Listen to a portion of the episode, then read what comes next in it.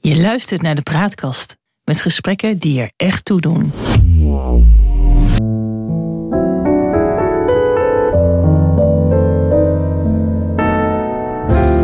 Welkom bij de Praatkast.nl. Dit is een aflevering van het Geheugenpaleis. Mijn naam is John Knerim en samen met Han van der Horst maken we deze podcast. De geschiedenis die herhaalt zich nooit, maar rijmen dat doet hij vaak wel. En dat gegeven gebruiken we in het Geheugenpaleis om dieper in te gaan op de actualiteit.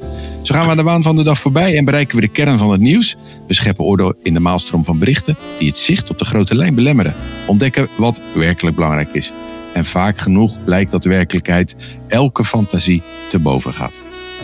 Een dolkstoot. Zo noemt Katja Ariep de twee anonieme brieven met uiteenlopende klachten over machtsmisbruik en een schrikbewind die werden verstuurd aan de huidige voorzitter van de Tweede Kamer. En de politieke afrekening die was effectief, want mevrouw Ariep is inmiddels als Kamerlid afgetreden. Han, hoe zie jij dat? Ik vind het uh, om te beginnen vreemd dat zij is, uh, is afgetreden. Ze had in principe geen enkele reden om dat te doen. Als zij werkelijk mm. zo goed in de schoenen stond. In de NRC heeft een erg groot artikel gestaan, gestaan ja. over het gedrag van uh, mevrouw Ariep als chef van ambtenaren. Maar dat was ze niet, hè? Nee, maar ze gedroeg zich uh, wel als uh, zodanig. Precies. En die verhouding die doet me een beetje denken aan de verhouding tussen een minister en zijn ambtelijke staf. Uh, Ja. Ze heeft al haar nieuwe topambtenaren die waren aangesteld binnen een paar jaar weggekregen. ze wordt Ja. ervan beschuldigd dat zij ondergeschikte um, kleineerde, vaak ook in Ja. aanwezigheid van anderen en zelfs van buitenstaanders. En dat laatste is een zorgelijk verschijnsel. Je mag als baas of als uh, superieur uh, best de puntjes op de i zetten en je hoeft er Ja. niet, geen doekjes om te winden, maar het is Ja. altijd erg onverstandig en uh, contraproductief om mensen te kleineren. Als je dat doet, Ja. schep je rancune die niet weggaat en die komt op een dag in je gezicht terug. En je ziet dat ook Ja. regelmatig, zie je dat gebeuren met mensen. Heb je wel eens van eh, Bill Gates gehoord of Steve Ja. Jobs? Heb je wel eens gehoord over het karakter van Steve Jobs? Ja, en ik denk dat hem dat miljarden heeft gekost.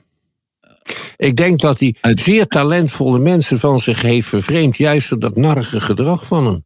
En door dat kleineren van zijn omgeving en door dat denken dat hij onze lieve Heer is. Dat, eh, En het zou, eh, er zijn ook genoeg mensen te vinden die precies het, het tegenovergestelde denken. Dat je ja, als leider soms wat eigenwijs moet zijn, door, door roeien en ruiten moet gaan om uiteindelijk eh, zeg maar je zin te maken. En mevrouw Ariep werd aangesteld in die Tweede Kamer om ervoor te zorgen dat er ook, naar aanleiding van een ambtelijk rapport wat er verschenen was, de, de organisatie daar moest op de schop. En dat heeft ze gedaan. En de baas, de griffier, dat is de baas van die ambtenaren. Ja, die durven niet een brief te sturen, niet het, niet het dialoog aan te gaan. Dus de pijlen richten zich nu op mevrouw Ariep. En dat is misschien wel terecht. Maar de leiding van de ambtelijke organisatie heeft het gewoon in een veel eerder stadium laten afweten. Die hadden op dat moment de kat de bel aan moeten binden. Ja. En het geeft in mijn beleving geen pas om dat nu Ja. na een paar jaar te doen. eh, en, en nu alsnog die mevrouw probeert een pootje te Vol- lichten. ja. Hoe vervelend ze misschien ook is. Volgens mij, als dat artikel in de NRC klopt, volgens mij heeft die ambtelijke top dat op een, eh, op een paar, eh, op een, aan, een aantal malen wel gedaan. En de ondernemingsraad ook. Die hebben er een aantal brieven op poten geschreven die niet mis te verstaan waren. En toen was mevrouw Ariep niet echt van de dialoog, om het eh, maar zachtjes te zeggen.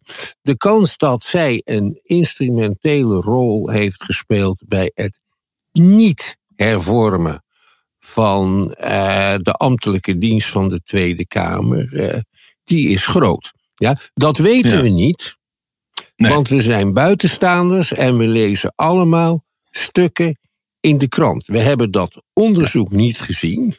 Als er ooit zo'n eh, zo'n onderzoek komt. Wat ik wel vaststel is eh, dat je de laatste tijd heel regelmatig eh, berichten hebt gelezen over grensoverschrijdend gedrag van leidinggevenden, Ja. blijkende uit, eh, uit, uit anonieme brieven. En dan worden die leidinggevenden onmiddellijk op non-actief gesteld. En er worden onderzoeken ingedaan. En ze worden over het algemeen door het slijk gehaald. Uh, ja, met de klokkenluiders loopt het over het algemeen uh, dus, ja, dus de vraag is nu, zijn, waren dit roddelaars of zijn dit echte klokkenluiders? Of is er een nieuwe tijd aangebroken? Er is een zeker autoritarisme wat ik uit Den Haag eh, zie komen. En dat dit wat nu gebeurt een waarschuwing is aan klokkenluiders van denk erom, dimmen. Doen wat de baas zegt. Ja, maar dat, dat is toch zo? Je moet toch doen wat de baas zegt. Dan moet je eens naar Duitsland gaan. Of moet je eens naar Frankrijk gaan. Of naar Engeland. Daar is de baas gewoon de baas. En hier in Nederland hebben we een soort participatief uh, uh, leiderschap. Waarin iedereen zijn zegje moet doen. En vervolgens komt er iets uit. Wat ja, een, een soort compromis is waar niemand achter staat. En wat ook niet goed is voor de organisatie. Is, is niet deze tijd nu gewoon ook rijp voor gewoon stevig leiderschap en zeggen: dit is hoe we het gaan doen. En als je daar dan heel stevig in bent, dan kom je zo'n organisatie tegen die niet mee wil. Ja, en dan ga je dit soort dingen ja, maar krijgen. Het is de vraag, ik zeg niet dat het een leuke mevrouw is. Ik zeg, het is de vraag of de organisatie niet mee wil.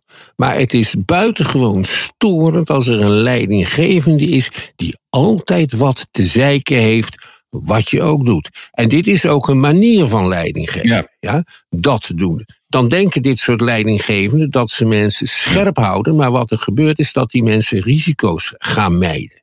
Ja, maar de vraag is dan nog steeds: hebben we hier te maken met een integriteitsissue? Is het een integriteitsissue of is het gewoon een boelie van een baas? En, of, of is dat hetzelfde? Nou, uh, dit, is, dit is een boel. Dit kan, dat weten we niet, want we hebben, zijn, zitten niet in de commissie die dat onderzoekt. Uh, maar dit is, dit is uh, kennelijk, kennelijk, wie weet, is zij inderdaad een boelie van een baas. En een boelie van een baas doet een bedrijf grote schade. Ja, ook als hij tegelijkertijd successen boekt. Gewoon omdat die mensen die talent hebben, die goede ideeën hebben, die mensen kruipen juist in hun schulp. En de vleiers en de pluimstrijkers, die komen naar boven drijven en dat de gevolgen daarvan zijn vaak noodlottig. Ja. Dus Ik, ik, ik heb ja, daar... Ik weet niet of iedereen het daarmee, eh, of iedereen het daarmee eens is. Wij moeten een voorbeeld nemen aan Philips de Goede, de hertog van Bourgondië. Dat was nou een goede leider. Het is lang geleden. Uh, Maar er zijn heel wat leidinggevenden die baseren zich uh, op een boek van een Chinese generaal van 2000 uh, eh, jaar geleden. Juist. En waarom zou ik me niet baseren op. Philips, Philips de Goede. Philips de Goede zette een stip altijd aan de horizon. Die stip was een kruistocht. Dat was in de 15e eeuw een hele goede stip. Wij gaan Jeruzalem bevrijden.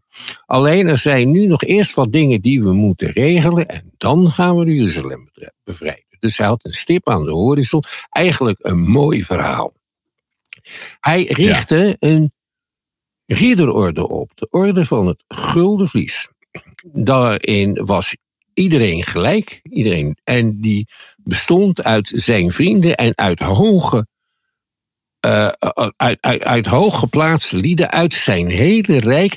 En dat was voor hem een alternatieve bron van informatie. Hij kreeg van zijn stadhouders allerlei verhalen binnen, maar hij had ook overal die ridders van het Gulden Vlies zitten. Een verstandige directeur gebruikt een ondernemingsraad niet gebruikt een ondernemingsraad als alternatieve bron van informatie om te checken of die niet belazerd wordt. En die beschouwt de ondernemingsraad niet als een hobbel die ook, ook genomen moet worden. Uh, Philips de Goede gaf mensen heel erg de ruimte om zelf in te vullen hoe zij de streken die aan hen waren toevertrouwd bestuurden. Hij stond zelfs de steden van Holland toe om een ja, om met z'n allen oorlog te voeren tegen de Hanzen. Echt met zeeslagen enzovoort. En het is allemaal, hij is altijd succes geworden, vol geweest, die Philips de Goede. Hij stierf in 1467. Hij werd Opgevolgd door zijn, zo, door zijn zoon Karel de Stoute. Dat was een enorme controlfreak. Het hele Rijk, En toen ging het hele Rijk binnen tien jaar naar de kloten. En hij zelf Ja. gesneuveld bij Nancy en opgevreten door de wolven. Dat gebeurt er als je een boelie van een baas bent.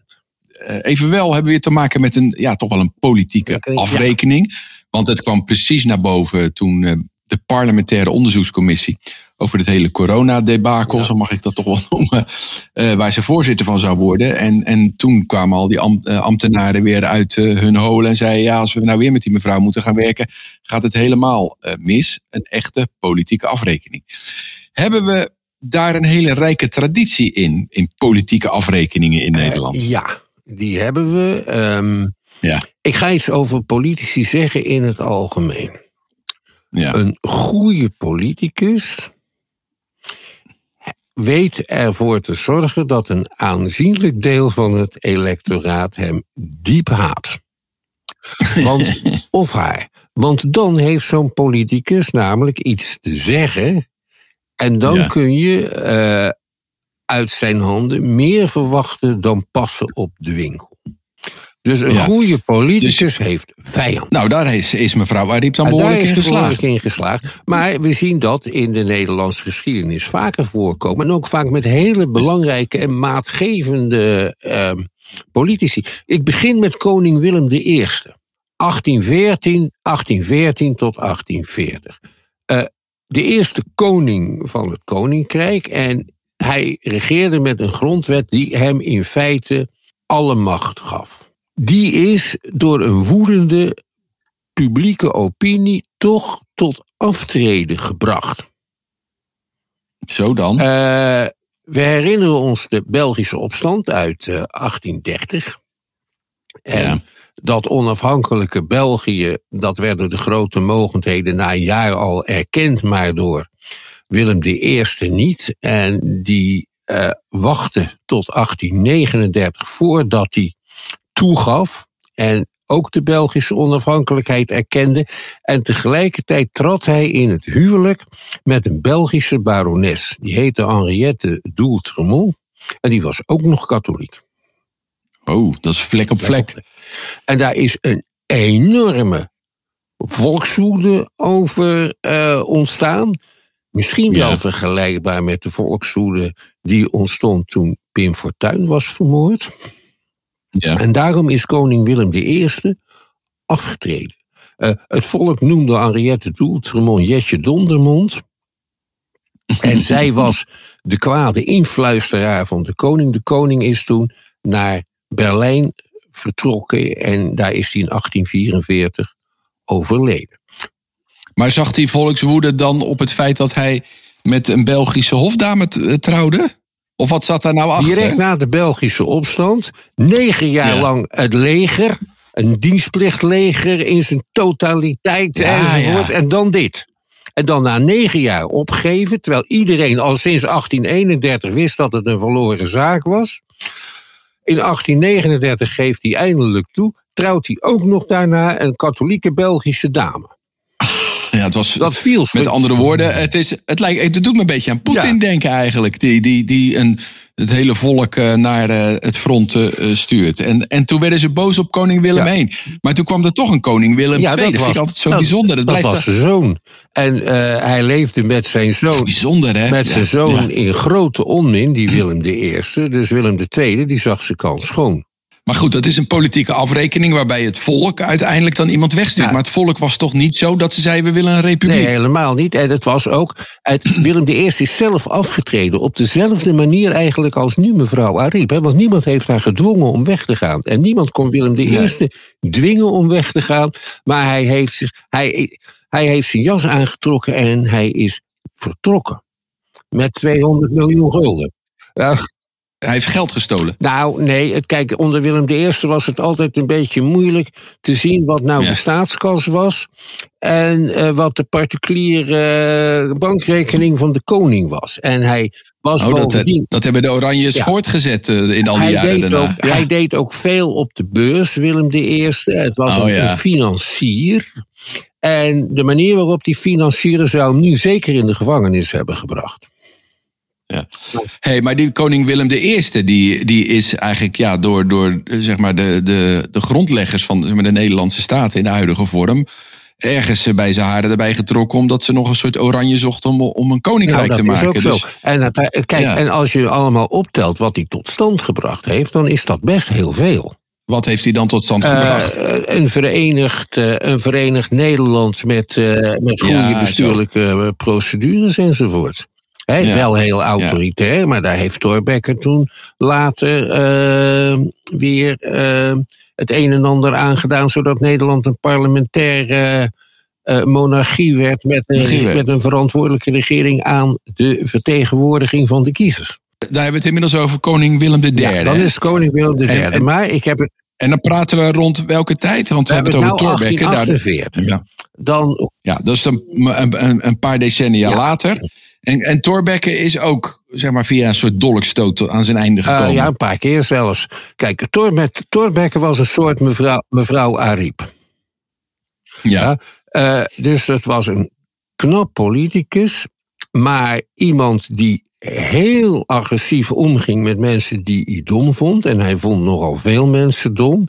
Zijn studenten aan de universiteit bijvoorbeeld, maar ook zijn personeel en zijn medekamerleden. Uh, ze noemden hem een professor. Er is een paar jaar geleden een geweldige biografie over de professor verschenen. En die heet Ja. Thorbecke Willet. En die Thorbecke die, uh, was een liberaal. Dus toen de katholieken van Nederland, weer de katholieken trouwens, toen de katholieken van Nederland uh, weer bisschoppen kregen, dat was sinds de 80-jarige oorlog niet gebeurd, toen zei Thorbecke, hier heeft de Nederlandse regering niets mee te maken, als zij dat willen, dan moet dat kunnen. Of vanwege de vrijheid van godsdienst die hij nastreefde. Enorme volkswoede van de protestanten, want die zagen, die zagen de, de brandstapels alweer oplaaien met die bisschoppen. Eerste grote ja. handtekeningenactie uit de Nederlandse geschiedenis. 50.000 handtekeningen opgehaald. Aangeboden aan uh, koning Willem III in het paleis op de Dam. En koning Willem III die nam de petitie in ontvangst en hij zei eigenlijk alleen maar dat zijn regering vele droevige momenten had gekend. En verder zei hij niks. Toen was ja. Thorbecke woedend, want die vond uh, dat hij die aanbieders van de petitie de mantel had uit moeten vegen met een verhaal over de vrijheid van godsdienst. En hij Waar hij natuurlijk gelijk in had. Ja. Maar dat deed de koning niet. De koning die, die, hield, nee. die hield het schip in het midden, zoals constitutionele koningen overigens moeten doen. Hè? Ja, want was, was uh, Thorbecke op dat moment premier van Nederland? Uh, ja, of nou, niet? de minister van Binnenlandse Zaken. Maar in feite was hij de ja. leider van de regering. Dus toen is hij woedend. En zegt hij: Als dit zo doorgaat, neem ik ontslag. Toen zei de koning: Dat is goed. En toen was Thorbecke weg. He, ja. Hij heeft nog later nog een keertje, twee keer de leiding van de, leider van een regering uh, geworden. Mm. Maar die duurde nooit zo lang. Als regeringsleider is hij ook in het harnas gestorven. Dat is Thorbecke. Ja, ja. Abraham Kuyper. Ja. Abraham Kuyper, dat is Dan zijn we... de oprichter van, van de ARP. Dat was een confessionele partij die eigenlijk een voorloper was van het CDA, volgens mij. Abraham. Kuyper is de grondlegger van de confessionele politiek. Die heeft ook de. En dan praten we over begin 1900, begin 1905, 1880, 1900. Ja. Uh, christelijk onderwijs gesubsidieerd door de staat. zijn allemaal ideeën van Abraham Kuyper. Zeer invloedrijk. Ja. Ook de eerste echte premier van Nederland. In 1901 is hij dat geworden. Ja. Onmogelijke man. Kon heel mooi schrijven. Het is nog steeds heel mm. erg boeiend wat hij allemaal geschreven heeft. Ook over de politiek. Soms zelfs nog relevant. Reisde de hele wereld rond. Knap journalist voor zijn omgeving, samen met, met hem samenwerken, was de hel. Hij heeft in feite er ook voor gezorgd dat zijn ARP in twee delen uiteenviel en dat een aantal mensen die dit niet meer accepteerden, de Christelijk-Historische Unie vormden. Ja. Dus, moeilijke man. Ook die is... Hij leek een beetje op Kajib Arip. Kaja Arip. Dat zou je wel kunnen zeggen. Ook hij is onderuit ja. gehaald. Hoe? Uh, hij werd ervan beschuldigd dat hij een belangrijke zakenman, een meneer Leeman, een Hmm. orde in de, de een Oranje Nassau had laten geven in ruil voor een storting in de partijkas. En had hij zich vergalopeerd of niet uh, uiteindelijk? ereraad Meneer benoemd, want zo ging dat in die Ja. tijd. En die heeft toen vastgesteld dat die meneer Leeman ook zonder de eh, activiteiten die waren ontwikkeld, wel die zou krijgen, die, ehm, die onderscheiding. En Ja. Abraham Kuyper is toen in de Tweede Kamer opgetreden, heeft toen een van de beroemde zinnen uit de Nederlandse politiek eh, ge- ge- uitgesproken, namelijk het boetekleed, besta het boetekleed misstaat den man niet. Daarna, Bekende uitspraak. daarna Ja. was die, hij bood dus zijn excuses aan. Ondanks Ja. dat hij het niet gedaan, maar daarna was, was zijn politieke rol uitgespeeld. hè. Hij was nog wel hoofdredacteur van een protestants-christelijk dagblad, de Standaard. En daar schreef hij dus heel vervelende stukjes in, totdat hij de dood bij neerviel, over zijn partijgenoten. Ja. Hij viel dood neer, hij ging dood in 1920. Eh, eh, ja, zo, zo gaat dat. Ja, hey, ik moet ook denken bij een eh, politieke afrekening aan de nacht van Schmelzer. En dat is Alhoewel, daar moet je ons ook eens in meenemen. Nou, er was in Nederland toen een kabinet, een rooms-rode coalitie. Een coalitie van de KVP, de antirevolutionaire partij, en de PVDA. Waren toch eigenlijk gewoon een soort aardsvijanden altijd. Ja, maar ze hebben in de jaren 50 heel lang samengewerkt en dit was daar een soort voortzetting van. Den Uyl Ja. was minister van Economische Zaken in dat kabinet en de katholiek Hmm. Jozef Kals, Joop Kals, was de premier. Ja. En nu zat er, nu zat er in een van die coalitiepartijen, de Katholieke Volkspartij, zat een belangrijke middenstandersvleugel. Want katholieken zijn, eh, die, we hebben al traditioneel een groot deel van de detailhandel in handen gehad. Ja. En, eh, daar was, eh, en die middenstandsvleugel onder leiding van de meneer Lucas, die vond dat er te veel met geld gesmeten werd. En zij dreigden met, met een motie van wantrouwen, die dan zeker zou worden aangenomen. ja. En Smeltse, Norbert Smeltse, was de fractievoorzitter van de KVP. En die probeerde de middenstanders te temmen. Dan moesten ze wel een bod toewerpen. Maar dat zou zeker lukken. Dus er kwam er een zeer lang en ingewikkeld debat. Waarbij Smeltse een motie indiende. En die diende die in om het kabinet te redden. Maar zo werd het niet gezien. Nee, want het was inmiddels midden in de nacht. Het was een Ja. uur of twee. Misschien heeft ook eh, een rol gespeeld... is dat de Nederlandse kabinetten traditioneel niet helemaal drooggelegd waren. Ja. Maar in ieder geval, Ze zopen te veel bedoel om je. twee Ja. uur Ja. gooide Kals de handdoek in de ring. Omdat hij dacht dat Smeltzer bezig was om het te verraden. Achteraf, na lang onderzoek, is gebleken dat dat niet het geval was. Nog iets. Dit was het eerste debat dat rechtstreeks Ja. uitgezonden is op de televisie. En de commentator was de meest sarcastische tv-journalist van die tijd, Frits van der Poel. en daar kwamen ook Ja. s'nachts midden in de nacht beelden, rechtstreekse beelden van Kals die met tranen in de ogen het binnenhof verlaat. En Ja. heel Nederland had dat gezien en kwam de volgende ochtend te laat op het werk.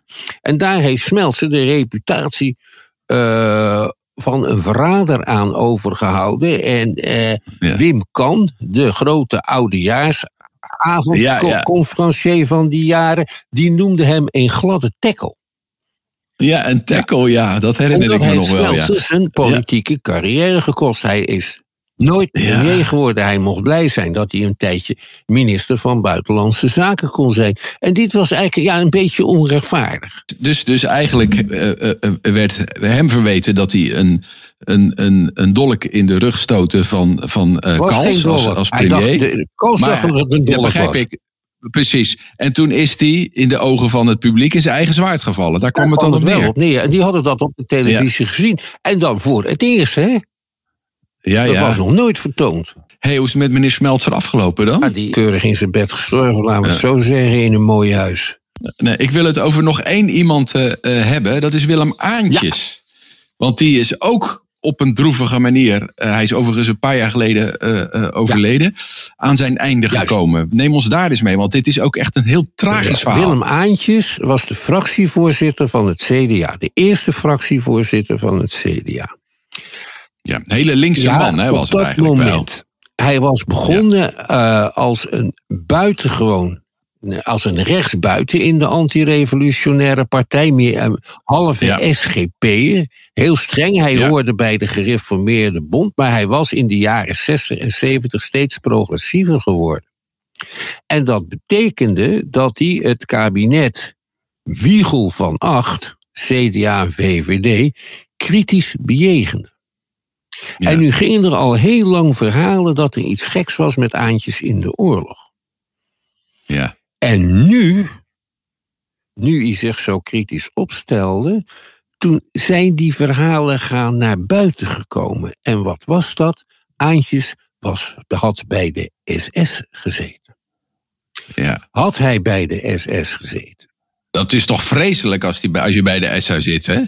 Dat heeft Lou de Jong uitgezocht dat was de directeur van het Nederlands Instituut voor Oorlogsdocumentatie. De schrijver ja. van het hele grote, een boekenplank vullende verhaal over de Nederland tijdens de bezetting. Die deed een onderzoek ja. dat in opdracht van de overheid. En daar kwam uit, het klopte. En dat heeft de Jong in een emotionele persconferentie naar buiten gebracht. En toen was het einde verhaal, meneer Aantjes. En had Aantjes nou bij de SS gezeten? Ja. Hoe werkte dat? Aantjes, eh, als halve SGP'er, die vond dat de overheid het zwaard niet te vergeefs droeg als jonge man. Dus toen die werd opgeroepen ja. voor de arbeidsinzet en verplicht moest gaan werken in Duitsland, deed hij dat. En hij werd postbode. En ja. in 1944 was er een kans om terug te komen naar Nederland. Maar dan moest je je aansluiten bij de Germaanse SS. Dat was wat anders dan de echte SS. Nou, dat was, de SS bestond uit heel veel onderdelen. Je had de Waffen-SS ja. en de SS'ers die de kampen bewaakten. En de Germaanse SS, ja, er was een soort, ja, een soort nationale reserve. Uh, bijna een padvinderij. En uh, ja. ja, die, die, dan kwam je, die mensen hadden gewoon een functie in de samenleving. En als het zinnig was, dan verschenen ze in een uniform. Uh, het was, dus stelde niet nee, zoveel 1944, 45. Aantjes was ja. bang dat de Russen hem te pakken zouden krijgen. Dat, hè, daar ja. wilde die aan ontsnappen. En dus meldde die zich bij de SS. En toen hij eenmaal in Nederland, bij die Germaanse SS, toen hij eenmaal in Nederland was, dook hij onder. Dat is ja, het verhaal. Maar wat, wat de, dat is verhaal, maar dat betekent dus dat eigenlijk Lou de Jong zijn werk niet goed gedaan heeft. Die heeft hem daar veel te streng voor veroordeeld, denk ik. Ja. Maar dat heeft ook te ja. maken met uh, de tijd. He, de, in... ja, Aantjes die, uh, die, die werd voorzitter van de campingraad. Dat was een soort erebaantje. En later, want het is pas iets van de laatste 15 jaar dat duidelijk werd hoe het echt ja. zat. En hoe eigenlijk die man onrecht is aangedaan. Ja. Want zo voel ik dat hoewel, toch wel let op, in de, in de tijd dat dit gebeurde, in 1978, waren heel veel mensen die de oorlog hadden meegemaakt. Nog in leven. Ook heel veel concentratiekampslachtoffers. En ook heel veel mensen die wel in het verzet waren gegaan. He, dus, ja, dus, ja, dus de, de, die nuance konden we nog niet nee. verdragen eigenlijk op dat moment. Ja.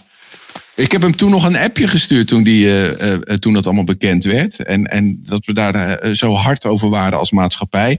En hij was er zelf heel mild over eigenlijk.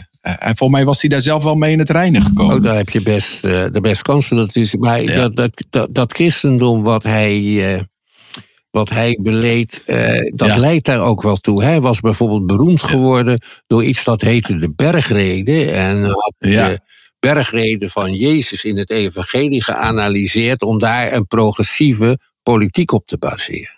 Maar wel een zeer geslaagde uh, dolkstoot. Ja, die een van de meest geslaagde uit de Nederlandse ja. geschiedenis. ja, ja het, als het niet zo treurig was, zou het uh, grappig zijn. Overigens zei uh, Wim Kan over Lou de Jong. Ja, de derde wereldoorlog kan nog niet beginnen, want Lou de Jong heeft de tweede nog niet nee. af. eh, toen die naar die boeken aan het schrijven waren. Maar die tijd hebben we inmiddels ook achter ons, want Lou de Jong heeft het wel afgekregen. Nou goed, hey, het, het is ontzettend ja, smeuig eigenlijk al, al die verhalen. En volgens mij kunnen we er nog vier afleveringen over praten. Dat doen we niet. We moeten het hierbij laten op dit moment. Tot zover deze aflevering van het Geheugenpaleis. We maken dit in samenwerking met de Praatkast. En de uitzendingen zijn te vinden op www.praatkast.nl. Je kunt je ook abonneren op onze podcast in je favoriete podcast app. Dan krijg je automatisch een bericht wanneer een nieuwe aflevering online komt. En via mail zijn we te bereiken door een bericht te sturen aan info.praatkast.nl. Nou, voor nu bedankt voor het luisteren en tot de volgende keer. Wees gelukkig, blijf gezond en als je in de politiek leert gaan, leer dan eerst heel goed over je schouders kijken.